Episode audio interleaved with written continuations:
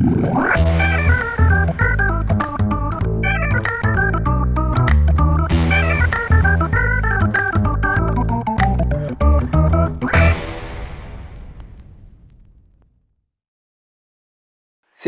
Ümit Sabi Kubuş, Sevgili Mustafa'can, nasılsınız? şahaneyim. Sizleri sormalı. İyidir, teşekkür ediyorum. Bu incirden sonra ikinci bitkimiz mi? Üzerine İncirden sonra üzerine konuşacağımız ikinci bitkimiz. İstanbul'a has bir bitkiden bahsedeceğiz. Üzerine şiirler, şarkılar yazılmış. Tabii. Enteresan karşılığı olan bitkilerden bir tanesi sevgili ıtır. Evet, sevgili Itır. Hatta daha da özelinde Itır Şahi veya dönemin en çok bilinen ismiyle İstanbul Nazendesi. İstanbul'un nazendesi şarkılara da girmiş şeylerden bir Tabii tanesi. ki.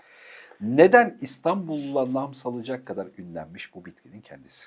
Ee, şuradan başlamak lazım. Lathyrus odoratus, biyologların babası sayılan sevgili Linne tarafından tür teşhisi yapılmış. Ee, çok özel bir bitki. Itır kelimesini zaten biliyoruz. Itır veya ıtırlı bitki böyle kokulu bitkilere verdiğimiz isimdir. Özellikle 14. yüzyıldan itibaren İstanbul çevresinde, İstanbul ve çevresinde bazı bitkilerden ıtır elde etmek, koku elde etmek, o kokuyla parfüm yapmak veya güzel kokular yapmak büyük bir sektördü. İstanbul nazendesi de o dönemlerde 18. 19. yüzyıla kadar çok yoğun bir şekilde kullanılan bir kokulu bitkidir. Latince ismi de oradan gelir aslında. Odoratus. Oradaki odo eki kokulu bitki demektir. Koku demektir veya parfüm demektir. O dönemlerde e, yoğun olarak parfümeride işte koku üretiminde çok yoğun kullanılan bir bitkidir. Ve İstanbul'a o kadar yakışmıştır ki adını İstanbul nazendesi koymuşlardır. Tabii biz Türkiye'de böyle diyoruz. Başka yerde e, Yerel isimleri var. Hatta daha komik gelebilir. Yani biyolojik olarak, taksonomik olarak baklagiller familyasındandır. Baklalarla akrabadır. Daha yakınına, genusuna, cinsine indiğimiz zaman bezelyelerle akrabadır. Hatta tatlı bezelyeler dediğimiz grupla akrabadır. Ama çok yoğun bir şekilde üretimi yapılıp, on, özellikle 16. 17. yüzyılda çok yoğun bir şekilde üretimi yapılıp koku sektöründe kullanıldığı için çok özeldir. İstanbul'da şu anda bulunduğumuz dönemde şehir içinde bahçesi olan böyle şehrin biraz daha kenarına kayan müstakil evlerin daha yoğun yeşilliğin olduğu yerde artık vahşi olarak, doğada yetişebilir olarak görebiliyoruz. Özellikle Temmuz aylarında renkli çiçekler açar. Eflatundan mora, maviden beyaza kadar böyle değişik e, paternlerde açar. Çok güzel kokar. Yaklaşık 2-2,5 metreye kadar boyu uzayabilir. Otsu bir yapıdadır. Tek yıllık bir bitkidir. Ve meraklısının İstanbul çevresinde çok göreceği, gördüğü zaman da çok zevk alacağı bir bitki türüdür. Yani doğal döngüde birileri yetiştirmeden ya da bir şey yapmadan da doğal döngü, döngüde Tabii. İstanbul'un doğal hayatının içerisinde var değil mi? Tabii ıtır zaten var. Itır şahide var. Doğal döngüsünde var. Yani şeyde biraz dikkatli bakan bir göz. Bahçesi olan, yeşilliği olan. e, özellikle mesela şey dikkatimi çekmiştir. Mezarlığa yakın yerlerde biliyorsun bizde e, bizim için kutsaldır o tür yerler. Çok fazla zarar vermemeye çalışırız. Zarar da vermeyiz. E, mesela oralarda da çok görülür. Kendi kendine yetişen böyle sarmaşık türü 2-2,5 metreye kadar uzayan çok güzel çiçekli, nefis kokan adı da İstanbul nazendesi olan güzel bir bitki arkadaşımızdır. Bir yıl içerisinde, bir yıllık döngünün içerisinde kayboluyor ama. Yani büyüyor, 2-2,5 metre boyunu buluyor. Sonra Tabii. ölüyor. Kışın ölüyor anladığım kadarıyla. Ee, ölüyor diyelim demesek de olur. Yani Temmuz gibi çiçeğini açar. Temmuz, Ağustos gibi çiçekli haldedir. Daha sonra tohum verir, tohuma dönüşür. Tohumlarını yaydıktan sonra ana gövde, vejetatif gövde artık işlevini yerine getirmiştir. Çünkü tek yıllık bitkidir. Ölür ama yaydığı tohumlar başka bir yerde yakın civarında tekrar e, büyümesine Ve hatta olur. çoğalmış halde, Ve- doğal koşullar sürüyorsa çoğalmış Tabii. halde büyür. Şu koku meselesi çok enteresan. Yani şeyi merak ediyorum. Belki biraz o, e, bunun üzerine e, ıtırı da bahane edip üzerinden azıcık konuşalım e, bir şeyde. Yani evrim kokuyu nasıl buldu? Kokunun işlevli olması için kokuyu alacak bir burun olması gerekiyor. Yani Acaba. Neyse, Evet acaba ya da acaba e, Ya da acaba. şeyde. İlk evrimsel süreçte ilk kokan şey neydi biliyor musun? e, muhtemelen ilk kokan şey o canlının ilk karşılaştığı moleküldü. Şimdi kafa karıştı. Ee, Ee, d- soruyu çünkü doğru sormadım. Ee, doğru şekilde sorayım. Kokuyu ilk evrimsel avantaj olarak kullanan şey neydi? tek hücreliler. Şimdi ilk önce koku duyusunun ne olduğundan başlarsak daha şey olacak. Şimdi biz canlılarda çoğunda insanda dahil olmak üzere burnumuzda koku moleküllerini yakalayıp o koku molekülünden elektriksel bir sinyal oluşturup beynimizde işleyerek isimlendirdiğimiz bir yolak var. Bunu aradakilerin tamamını atlayıp en ilkeline indiğimiz zaman bir tek hücreli bir canlı düşün. Ortada bir molekül var, koku molekülü. Bu tek hücreli canlı bu koku molekülünü algılayacak reseptörlere sahip olduğu an koklamaya başlamış demektir. Bu tek hücreli bir terlik hayvan da olabilir. Öglana. İşte başka bir e, Ki tek hücreli hayvanlarda bu var diyorsun. var tabii.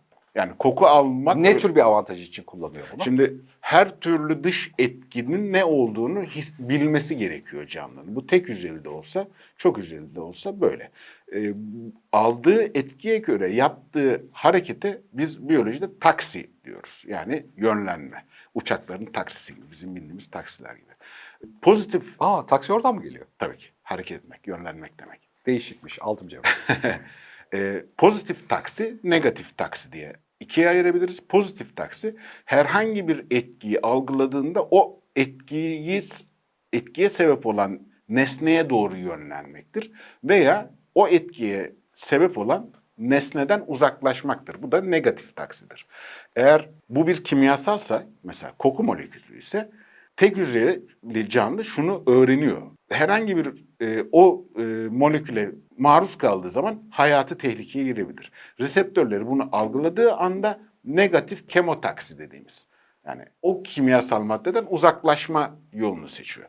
Veya tam tersi e, bir besine ait bir molekül yakaladı havada pozitif kemotaksi. Işıkla ilgili ise işte negatif fototaksi, pozitif fototaksi. Başka bir şeyle ilgili ise negatif bla bla taksi gibi. Bu o zaman yönlenmeyle alakalı. koku evrimin hep önemli bir değişken unsuruydu yani. Tabii ki. Çünkü bir şeydi. belir, betimleyemediğin, belirleyemediğin bir moleküle isim verip o molekülün kaynağı hakkında fikir sahibi olman gerekiyor. Anladım. Yani bunu dinozorlar da hep kullanıyordu. Sinekler de kullanıyor ya da işte herkes Tabii. aslında kokuyu bir şekilde kullanıyor. Tabii. Biz sadece hani burnu olanlarla özdeşleştirdiğimiz için Evet. kokuyu burunla eşleştiriyoruz. Halbuki kokunun temeli kaynağından gelen bir molekülün ne olduğunu tespit edip kaynağına bir tavır yüklemek. Ondan kaçmak veya ona yönelmek. Kokusunu aldığımız şey bir çilekse, "Hmm, çilek kokusu hadi ona yönelelim. Kokusunu aldığımız bir şey bir leşse uzaklaşayım. Bu tek hücrelilerde de bu mekanizmayla çalışıyor. Yüksek organizmalılarda da böceklerde, farelerde, akreplerde, yılanlarda, insanlarda, memeliler hepsinde böyle çalışıyor. O yüzden bizim koku duyumuz aslında duyularımızın içerisindeki en ilkel olanlardan bir tanesi hatta. İlkel demeyelim, en ilksel olanı. İlksel olanlardan Çünkü evet. aslında en karmaşık olanı. E çünkü şöyle karmaşık olanı mesela tat duy- duygusuyla duyusuyla karşılaştırdığımızda topu topu dört tane e, tat şekli var. Şimdi beşincisine arıyorlar da umami. Bulduğunu söyleyen var, bulmadığını söyleyen var. Bu dördü üzerinden yürüyoruz. Görmek dediğin üç tane temel renkten var. Duymak dediğin belli bir frekansta var. Yani hepsi aslında kokuyla kıyasladığın zaman kısıtlı. Ama koku duyumuz homonkulusta yani duyularımızın beynimizde kapladığı nispi alan diyelim. Bir, bir tür karikatürdür aslında. Koku hepsinden daha büyük yer kaplıyor. Çok fazla kokuyu birbirinden ayırt edebiliyoruz. İnanamazsın yani bir insan olarak. Hani konsantre olduğumuzda bir av köpeği kadar olmasa da bir av köpeğinin yedide biri, sekizde biri diyelim. Kokuyu birbirinden ayırt edebiliyoruz. Üstüne üstlük ayırt etmeyi bırak bir de hatıralarımızı canlandırıyor. Şimdi onu söyleyecektim. Duyula- yani. duygularımızı canlandırıyor. Başka hiçbir duyumuz o kadar bizim hatıra ya da hafızamızla direkt bağlantılı Tabii. değilmiş gibi görünüyor. Çünkü o kadar ilksel, o kadar temel bir yerde koku. E, peki yani kokunun kendisini doğalında koku üretiyor olmanın haricinde yani moleküler her tür canlı ya da e, bir biçim moleküler bir şey üretiyor. Ama ilk defa bunu evrimin avantajı olarak kullanan, kendi avantajı için, üreme avantajı için kullanan, ilk demeyelim de yani önemli evrimsel Önemli şeylerden bir tanesi bitkiler, çiçekler. İlk bunu bitkiler yapıyor aslında. Yine hayvanlar da kullanıyorlar bunu. Tabii bütün canlılar kullanıyor. Hatta sırf canlılarla da kıyaslayamayız. Cansızlar için de kullanıyoruz bunu. Yani işte suyun yerini tespit etmek için kokusunu kullananlar var. Ne bileyim işte tuzun yerini tespit etmek için kokusunu kullanan keçiler gibi düşün. Yani o tamamen Tuz temel. kokar mı? Biz koklayamayız ama kokar. Biz tuzun Su kokar içindeki biz koklayamayız ama kokar. yani çok susuz kaldığın zaman halüsinasyon da görmüş olabilirim ama su var veya suyun bıraktığı etkinin kokusunu insan alabiliyor. Nem kokusu almıyor musun? Mesela onun gibi. E, evet onu diyecektim. Su buharının yoğunluğunun belki yani bu o bir koku değil de yoğunluğu. Ama hayatımız ona bağlı değil. Hayatımız ona bağlı olsa, bağlı olan bir canlı olsak, e, suyun kokusunu alırsın. Filler ortalama 10-12 kilometreden, 15 kilometreden suyun kokusunu alabiliyor. Çünkü hayatı ona bağlı. Su, havadaki su moleküllerinin yoğunluğuna göre radar misali düşün veya sonar misali. Nereye yönleneceğini bulabiliyor.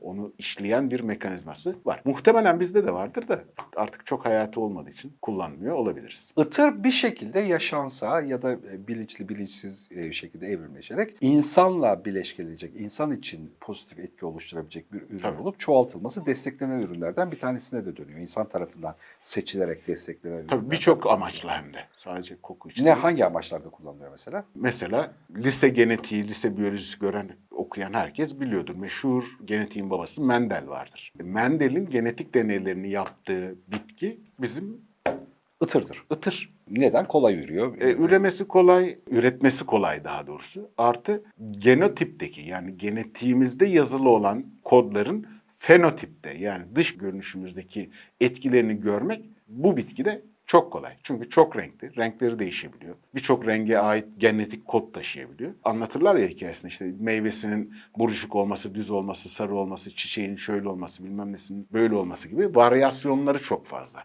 Mendel o yüzden bunu tercih etti ve birbirinden farklı özelliklerdeki ıtırları veya tatlı bezelyeleri çiftleştirerek farklı kombinasyonda şeyler, bireyler oluşturdu. Onların kurallarını kağıda yazarak bugünkü bildiğimiz anlamda genetik bilimini başlattı. Güzelmiş, değişikmiş. Evet, oraya bağlayabiliriz. Başka spesifik bir şey var mı ıtırla alakalı söylemek? E var, yani en azından bizim İstanbul için 17. yüzyılın büyük bestecilerinden Itri Efendi ismini bu bitkiden alıyor.